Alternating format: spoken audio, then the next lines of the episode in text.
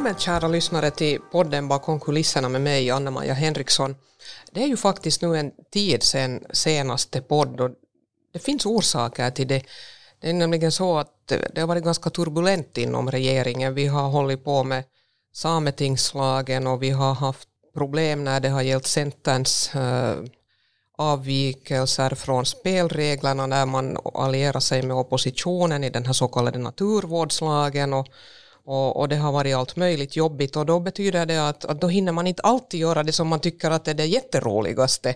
Det vill säga att, att också kunna se, sätta sig ner och, och göra en podcast. Men idag har vi nu tack och lov tid för det och nu tänkte jag idag att att nu ska vi inte tala så mycket politik utan nu är det ju så att nu närmar vi oss jul eh, och eh, eh, julen är ju en, en speciell tid för många av oss så innebär det tid att koppla av, det innebär att man kan, kan eh, vara lite mera i lugn och ro, det är mycket stämningsfullt och, och, och sen för många så ligger maten i fokus. Alla, alla har ju lite olika sätt att, att, att fira, fira jul. För många handlar det också om att, att kunna få träffa släkt och vänner och andra firar gärna jul utan att, att ha så mycket människor omkring sig. Men dagens avsnitt nu så kommer att handla ganska mycket om stämning och mat. Eh, för årets sista gäst i, i podcasten är Tara Junker, matkreatör och kokboksförfattare.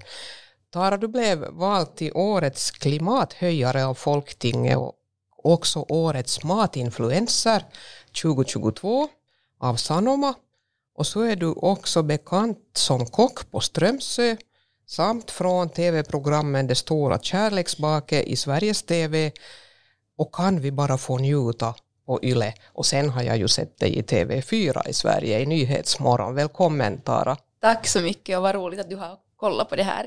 Absolut, det är ju en sån här klimathöjare för mig också att ibland kunna hinna se på och Nyhetsmorgon faktiskt från Sveriges TV, nu följer jag med Finlands TV också, men man får väl säga det att, att svenskarna är kanske snäppet vassare med de här sändningarna än vad vi är här i Finland. Men hör ni, med oss här vid bordet, inte vid matbordet, vi har inte så mycket mat uppdukat här ännu, men, men vi har också med Ted Urho, poddens producent. Välkommen Ted. Tusen tack. Och då tänkte jag att vi går, går direkt till, till dagens stora tema, nämligen julen och julmaten. Tara, hur ser ditt julbord ut? No, vi har just med mamma planerat vad vi ska äta till julen och det är kanske så att i och med att inte bara jag älskar mat utan hela familjen så den här planeringen är den stora, en stor del av julen. Och vi landar faktiskt på att vi kommer att äta ostron. Okej. Okay. Ja, så det har jag varit och beställt i hallen. Och Faktiskt, vi kan återkomma till det. Det är men, ganska långt från julskinka. Det. det är, men vet du vad? Att det är det som man traditionellt har ätit på julen är också i Finland, alltså när man går riktigt långt tillbaka i tiden. Men vi kan gå in på julmatens historia ja, lite senare. Absolut. Uh, så det är inte så konstigt som man kanske först skulle tänka sig. Men blir man mätt på ostron? Det, vi, vi har menyn längre. Det, det, blir först blir det ostron och sen på fiskbordet så har vi laxpastrami. Vi, har, vi kommer baka ägg i ugnen och äta det med rom. Mm. Sen så har vi lite laxtartar med sesammarinerad rödkål och friterat rispapper och sen en silltallrik med brynt smör. Och sen till huvudrätt kommer vi laga egen pasta. Så det blir saffranskavatelli, kavatelli en pastasort med purjolök och shiitakesvamp och en sallad med rå jordärtskocka och grönkålspesto. Och sen skippar vi desserten för jag tror att det finns ganska mycket. Det finns alltid något konfekter och pepparkakor och ost. Och det där lät ju nog jätte, jättegott. Mm. Det där, eh, har du recepterna för de här också? no, till mycket av det här, nog, vi kan byta lite recept sen efteråt. Ja, alltså, eh, hos oss är det ju lite så här att det traditionella julbordet så, så det, det ska vara mycket fisk, det ska vara mm. sill.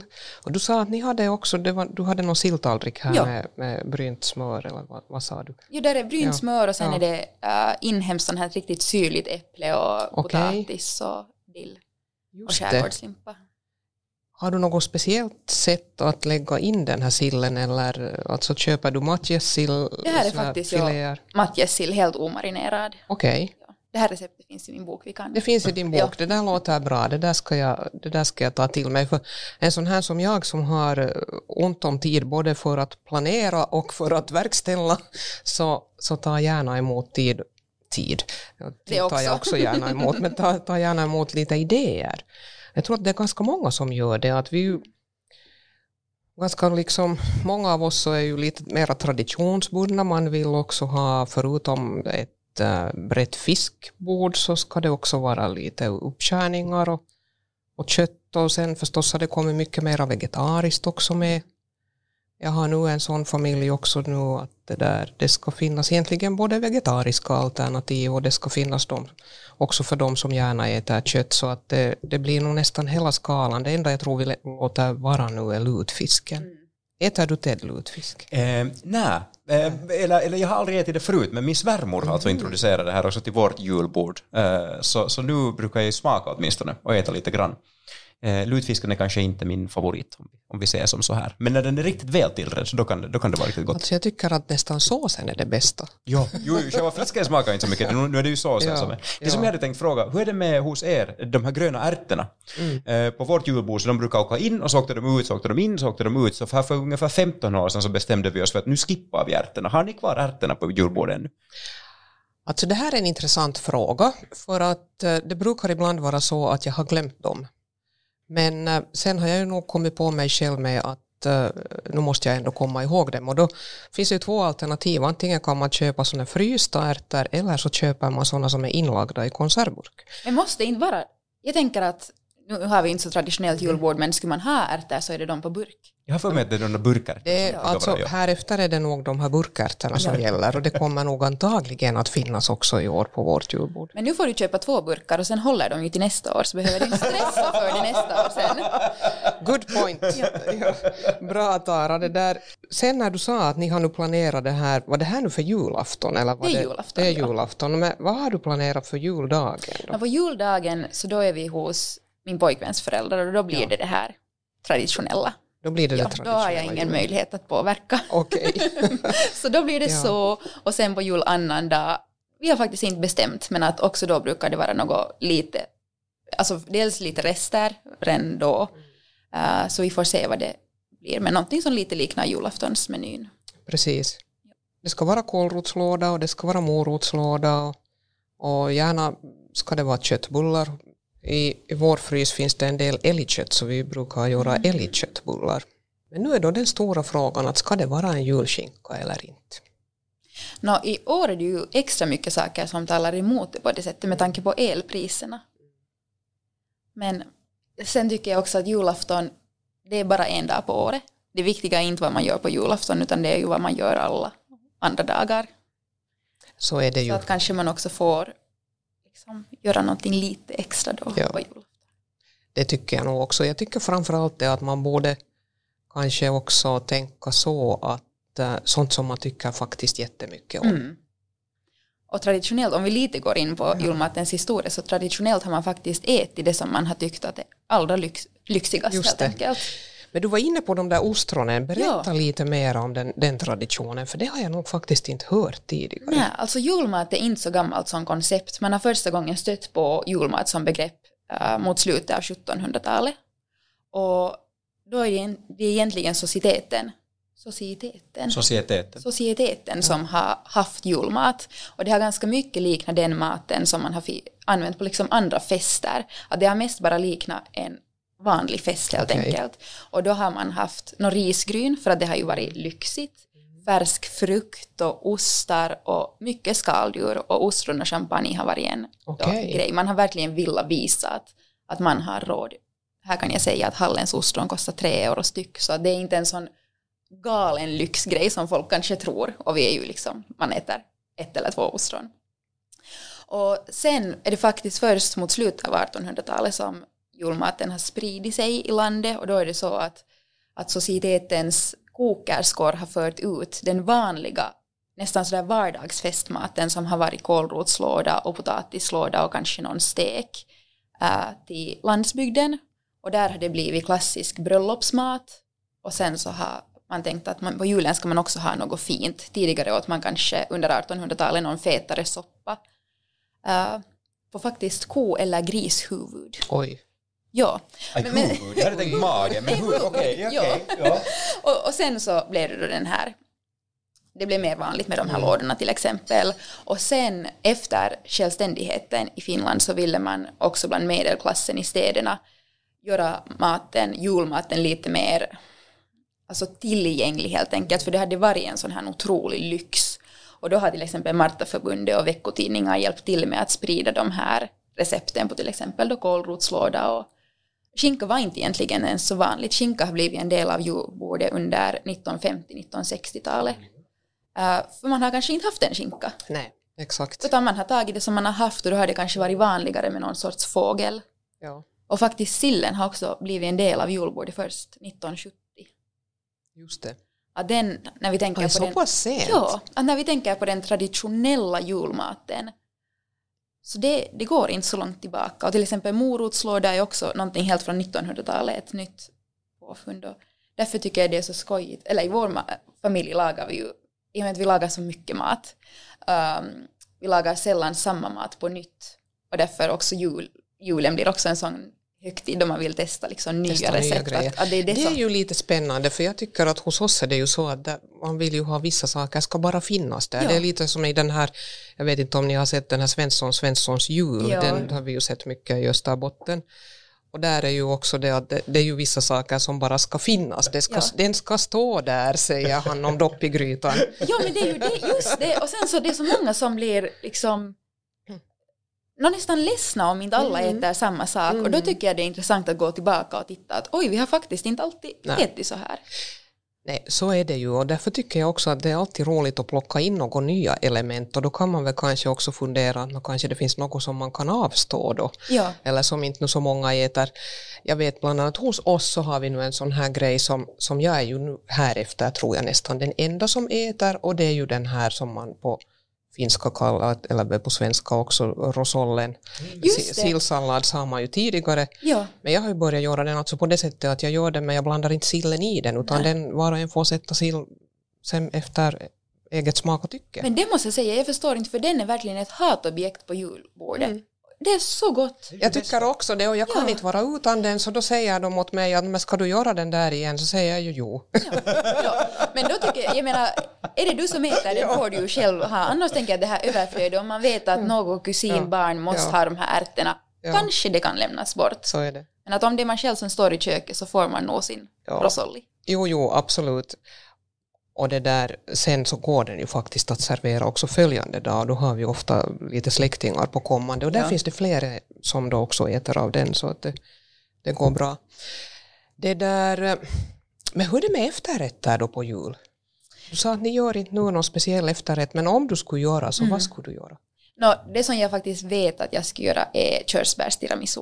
Okej, Och det skulle jag kanske vilja att vi har på annan dag. I det här kan vi bara få njuta tv-programmet som Precis. du nämnde tidigare, Ja. så där firar vi också jul och då är det körsbärstiramisu. Och jag tycker det är skojigt att lite leka med de där julsmakerna, att man kan kanske plocka någon. Är det färska körsbär? Det, då, Det är frusna körsbär och det Frusna, finns faktiskt, ja. jag vet, får man säga var det finns? Ja, det här är inte yle, man får Nej. säga vad, man får vad Pirka man har alltså Okej. körsbär. Ja, det är lättillgängligt och jag tycker att det, det är en dessert som smakar lyxigt. För att det finns den här liksom mandelsmaken och kaffe och, och körsbär. Man kan ta de bären man har i frysen egentligen. Inte Ja. kanske blåbär, men det mesta annat, andra skulle jag säga att passar. Om den skulle gå med, heter det nu, tranbär? Det kan bli Ja, lite surt. Det kan men- bli lite surt, men jag funderar faktiskt på det för att det, det passar ju till julen. Ja. Uh, det brukar vi förresten göra, rulla tranbär i florsocker. Det blir gott. Det blir jättegott.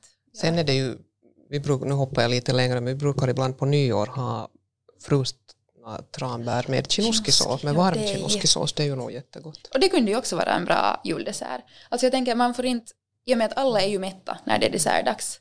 Plus att det finns alltså massa pepparkakor och några julstjärnor och, eller jultårtor. Så man kanske inte liksom, jag tror inte att man ska sätta allt krut på desserten. Hur är det med risgrynsgröten? Kanske inte på julafton. Bara för att det blir så mycket mat. Men min mamma ska faktiskt imorgon ha julgrötsfest för sina väninnor. Så Ja. där tänkte jag gå och fylla min ranson för i år. Exakt. Det där, Ja, eller sen kan man välja förstås det att man tar den mera som lunch och sen om man Faktiskt, äter ja. sin julmiddag lite senare så då, Ja, det brukar vi ibland ha ja. hos oss. Och det som jag skulle vilja få in, men jag vet inte hur jag nu ska peta in det i all den här maten, är svamppiroger med buljong. Alltså helt enkelt en, en pastej med buljong. Okej, Jag har aldrig själv ätit det, men jag vet att det är en grej som många gör på det julafton. låter bra. Ja, Jag är ju svampälskare. Jag, just det. Ja. det och det finns alltid svamp på vårt julbord. Det, ja, men det är ju också en klassiker, svampsallad. ja, Det ska, och ska det finnas svampsås. Ah, ja. Med mycket grädde. Oj, det med älgköttbullar. Ja. Man börjar bli ganska hungrig. Bra, men det där... eh, Jag tror nästan att nu har vi, nu har vi snart dukat upp det där julbordet. Mm. Finns det något annat sånt här som du kommer att tänka på nu? Får du hemskt mycket frågor av människor nu så här före jul? Att, att, vad, vad, vad, skulle du liksom... Vilka råd ger du åt sådana som inte har så mycket tid att sätta eh, ner på maten men som ändå vill kanske göra någonting speciellt? Så har du något sånt där? eh, Och dels ty- tycker Ja. jag just att man ska välja sina favoriter. Som Ja. du sa att rosollin Ja. är viktig för dig. Då vet du att det är värt besväret. Men annars verkligen fundera att vad brukar varje år bli? Och det handlar ju också om det där svinnet. Det är ett Ja. otroligt matsvinn kring jul. Och framförallt i år när priserna går upp. Och alla kanske inte, äh, nu det är lätt att sitta här och tala om sina älgköttbullar och sina Ja. ostron. Ja. Och många kommer ha en jättehård jul i år. Uh, att också tänka på det när man köper mat. Eller jag vet att vissa matbutiker till och med har så att man kan köpa produkter och lämna dem efter kassan. Okej. Så delar de ut det. Just det. Det har du alldeles rätt i och det är alldeles klart det att, att eh, man måste ju anpassa sig naturligtvis också efter det som, det som nu för tillfället är det som är möjligt. Ja, exakt. Och, och, och så här är det naturligtvis. Eh, Det att vi råkar ha älg i frysen så handlar om det att vi, vi har en längre tid eh, varit in, in, liksom inne på den linjen att om det bara är möjligt så, så, det där, så är vi med och, och delar på en halv älg. Ja, absolut, Och, absolut. och, och det är inte på det sättet en lyxvara. Men Nej. det är klart att det låter kanske lyxigt. Men då använder vi det också på det sättet att istället för att köpa annat kött i butiken så använder vi älgköttet. Och det är ju det som är kanske det, det som är det fina när man köper råvaror som är viktiga för en själv, att då behandlar man det också med mycket Ja. större andakt. Nu till exempel de här ostronen. Det känns verkligen högtidligt. Jag ska gå och köpa en ostronkniv. Sen Ja. ska vi då lära oss det här. Ingen av oss tidigare öppnat ostron. Det är ju jättespännande. ja, Ja. Men att, eh, och där just då blir det inte heller svinn. Eh, för att det måste vi minnas. I Finland så kastar vi varje dag en miljon kilo mat. En miljon kilo. Varje Det är dag bara i Finland. mycket. Ja, och den största delen svinn uppstår i hushållen. Så det får man tänka på extra kring, kring jul. Och lämnar man bort lite rätter så blir det också mindre stress. Blir det mindre. Ja. Du har helt rätt i det. Det där ska vi minnas allesammans. Ja. Och annars så kanske att man, jag vet, det är lätt för mig att säga som jobbar med mat och älskar mat, men att försök nu hitta lite cool också med det där man står i, i köket, att det inte bara ska vara stress. Ja. Eh, och det är ju svårt också för att, framförallt för mig som då jobbar med mat, det blir ju liksom lätt en prestation, men att det är inte så farligt. Eh, och det är lätt för mig att säga att men, man måste lägga in sin sill och jag tycker verkligen inte det. Men sen vet jag att jag måste ha min silltallrik som jag har gjort själv. Exakt. Det, det där frustrationsmomentet med maten är ju när man misslyckas med den. Och när man, har- man har ett eh, recept som kan vara mer eller mindre komplicerat. Hur, hur tacklar du sådana situationer när du känner att okej, nu barkar det här åt skogen, att nu Ja. kommer jag att liksom, någonting bränns och någonting blir underkokt och någonting blir orått. Hur, hur tacklar du den här liksom negativa känslan i, i, i köket? No, det beror ju på när det inträffar. Mycket går att rädda. Jag kan säga att skulle till exempel min pastadeg på julafton inte lyckas, så jag skulle säkert gråta. Jag kan vara helt, helt ärlig med det. Men annars så, jag tror att folk lätt tror när man jobbar med mat att allting är härligt. Om man har sina Mm. Det pastellfärgade bunkar, ut. så är det. Ja. Men det blir nog mycket kaos också. Så det är inte som att allting alltid skulle gå bra, men att mycket går kanske att rädda och sen så får man också tänka att nå, är det här nu det viktigaste? Precis. Ska det här förstöra julen? Och det, svaret är oftast att, att det är inte värt det. Nej, det är inte värt det. Nej, du har alldeles rätt i det. Det ska vi också, också minnas.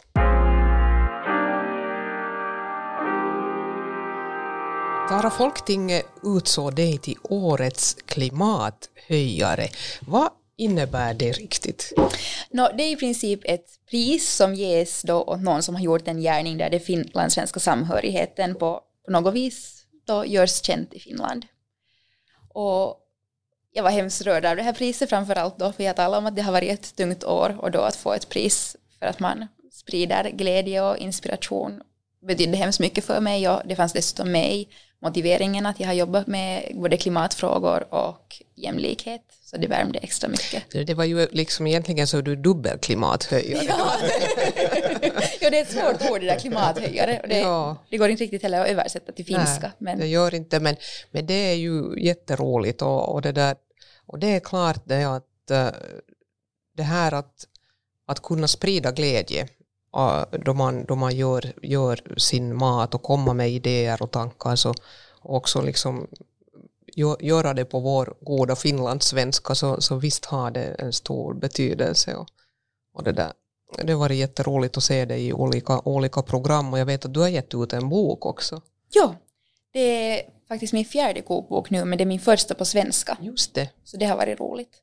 Och sen är det ju så att fastän jag också jobbar på finska så tror jag att det blir mycket klart för alla att jag är finlandssvensk när jag så fort jag öppnar munnen så då sprider man också det finlandssvenska fastän man jobbar på finska.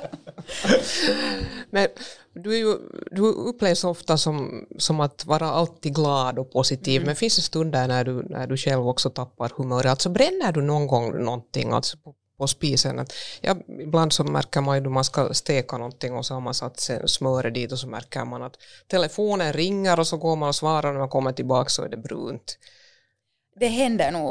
Uh, och sen så jobbar jag som lärare på Arbis och där är det ju också ganska, det är många i köket och mycket som händer och om jag börjar något eget projekt finns det mycket stor chans att jag springer omkring och säger att nu är det någon som bränner något och sen inser jag att det är jag. men, men därför tycker jag också liksom, om att jobba på Arbis för att det är så uh, jordnära och då kan man också visa det där att, att det är inte liksom allt pastellfärgat och härligt men att det är helt okej. Okay. Um, och verkligen visa att, att det blir som det blir ibland. Tappar du humöret någonsin då eller är du alltid lika glad? Nå, det brändes lite. Nå, ofta nog, men jag är nog ganska temperamentsfull ja. och det, det tänker jag på, därför tror jag att jag skulle ha svårt att jobba med, med politik på det sättet som du gör. Um, för när, när jag blir arg så har jag så nära till gråt. Mm. Och det ses ju i vårt samhälle som en svaghet, fastän det inte borde göra det. Så det är nog kanske så jag reagerar i de stunderna som jag nämnde här med pastadegen. Precis, vi ska hoppas att den lyckas jättebra ja, på verkligen. ja, men det där, har du något sådana tips då om det är lite sämre stämning på, på jobbet? Jag vill inte säga att hur det är om det är lite sämre stämning i kvintetten. Asking for a friend. ja, det kanske man, eh, där skulle vi kanske behöva också lite tips. Nå, nå, vanligen tar det någon dag så, så blir det lite bättre stämning. Men har du något sånt där tips eller, eller tricks för att höja stämningen? No, du nämnde till exempel här innan vi satt på mikrofonerna att du brukar att du har ett jättebra pepparkaksrecept. Så det är ju verkligen ett sätt. Man hämtar med lite pepparkakor. Alla måste vara snälla och trevliga för att någon annan bjuder till. Så det, det är mitt tips. Ja, det är jätte, jättebra tips. Eh, jag kommer ihåg när vi satt i grundlags, eller jag satt i grundlagsutskottet föregående riksdagsperiod och så hade vi jättejobbigt där också. Eh, och då beslöt jag mig en morgon att nu måste jag muntra upp mina kollegor så då bjöd jag dem alla på, på, på bulle på morgonen. Och, och det, precis, det funkar just så här som du säger att då blev alla genast mycket trevligare men på tal om de här pepparkakorna, så jag, jag sa här före vi började att jag har en långvarig tradition i vår familj att vi dekorerar pepparkakorna eller spritsar dem med, med, med olika färger. Och, och det är jag ju liksom övertygad om att om det där skulle bli borta så skulle det ju nog bli liksom ett ramaskri där hemma. uh, min man kanske inte skulle reagera men döttrarna nog. Alldeles säkert. Och sen så tror jag överlag när det kommer till traditioner är det extra viktigt i år när världen är lite mm. upp och ner och kanske otrygg så då, då vill man ha det som det alltid har varit. Det är ju nog, det är lite sådär jag tycker på något sätt att det finns någonting som är fascinerande med det att man har en tradition som jag vet att, att också min pappa som nu skulle ha fyllt 100 år i år, han har haft i sin familj. Att det har liksom gått nu från generation till generation och det är ganska vitsigt tycker jag att man kan upprätthålla det. Ja, faktiskt. Så att det här är nog en liten detalj men att det är ungefär det vad jag hinner med. Men det är ju det, alltså julen, det ska ju inte vara ja. så att man är utbränd när julafton kommer. Det är ju inte roligt för Nej. någon. Och vi har i vår familj bestämt, vi är fyra vuxna människor som mm. firar jul tillsammans. Ingen får stressa. Det är liksom, det är ju lättare sagt än gjort, men det är så onödigt. Ja. Och då får man välja, jag menar, det att man dekorerar pepparkakor tillsammans, finns det något bättre, finns det något som är mer jul? Det får vara de små sakerna som ja. är det där viktiga. Ja. Vi, vi pratar just med våra vänner, vi har ju själv, eller jag har inte själv barn, men, men just liksom vännerna, att, att för dem, vissa går så, här, så, så kallat all in, just för att skapa den där perfekta julen för barnen. Och då kan liksom den där jakten på det perfekta kan sen gå över till någonting som blir kaosartat och så blir det ändå dålig stämning för barnen och som liksom blir julen en negativ sak för dem. Att det kanske just det där som du säger, att det, det kan vara bra att fokusera på att ha liksom att ingen ska stressa. Mm. Att okej, okay, att vi har inte här, men, men det gör ingenting. Huvudsaken är att alla är nöjda och glada. Det är kanske den viktiga saken med julen. Så är det ju nog säkert och, och, och sen är det ju beror på i vilken ålder man har barn. Mm. Att det där, man behöver ta det i beaktande också och, och, och, tänka på lite med tidpunkter och så här att när man äter och, och, och, och, när julgubben kommer, om man har en julgubbe, att, att, att har du småbarn och det, det blir allt för sent så då blir de ju jätteotåliga och, och, och så här. Är man bara vuxna så, så kanske den där julgubben inte kommer överhuvudtaget men, men, men då kanske det är någon som har ändå lämnat några paket någonstans och sen tar man dem och så kanske man rimmar och, och, och har lite trevlig julmusik i bra bakgrunden och så här så att det, jag tror att det handlar just om det att hitta den där rätta våglängden och sen om man kanske inte har träffats på en, en lång tid så är det ju också så att, att man behöver ge varandra lite utrymme. Mm. Mm. Mycket bra poäng. Att det tror jag också är viktigt att minnas, att vi är ju alla olika och alla har, har lite olika bakgrund och, och har ett arbetsliv som, som ser lite olika ut. Men det betyder inte att, att uh, allt behöver vara alltid som förr. Jag har aldrig sett lite för mycket Astrid Lindgren, sådana här julfilmer och tänker att man måste stå där i sitt randiga förkläde och ja. bjuda till men att det är kanske ja. inte alltid så i verkligheten. Nej, så kanske det inte. Det där, sen får man ju alltid hoppas att det skulle bli en vit jul och det kan ah, vi inte påverka så hemskt mycket. Nej, men det ser lite dåligt ut nu här i Helsingfors i alla fall. Allting har börjat smälta. Ja, men jag tyckte att de sa att det skulle bli lite kallare till, mm. till veckoslutet och vi får hoppas att det sen mellan dagarna och mot nyår så, så ska finnas snö. Ja. Så att eh, då får vi kanske börja avrunda och, och sen, sen tror jag att jag återkommer Tara till dig när jag ska fundera på någon nyårsmeny. För det, det låter mycket bra. Ja. Jag hjälper gärna till. Får jag fråga hur det gick med de här ostronen? ja, verkligen. Och det var där gråten kom. Ja. Där tror jag det är bra att avsluta nu för idag. Tack Tara jättemycket för att, att du var med och tack också Ted till dig. Och nu vill jag passa på att önska er båda en riktigt, riktigt skön och god jul och, och njut av att få vara tillsammans och njut av att få göra mat tillsammans. Och eh, sen vill jag önska er alla lyssnare också, också dig nu som lyssnar just den här stunden, en riktigt skön avkopplande jul och eh, så ska vi hoppas på ett bättre nytt år.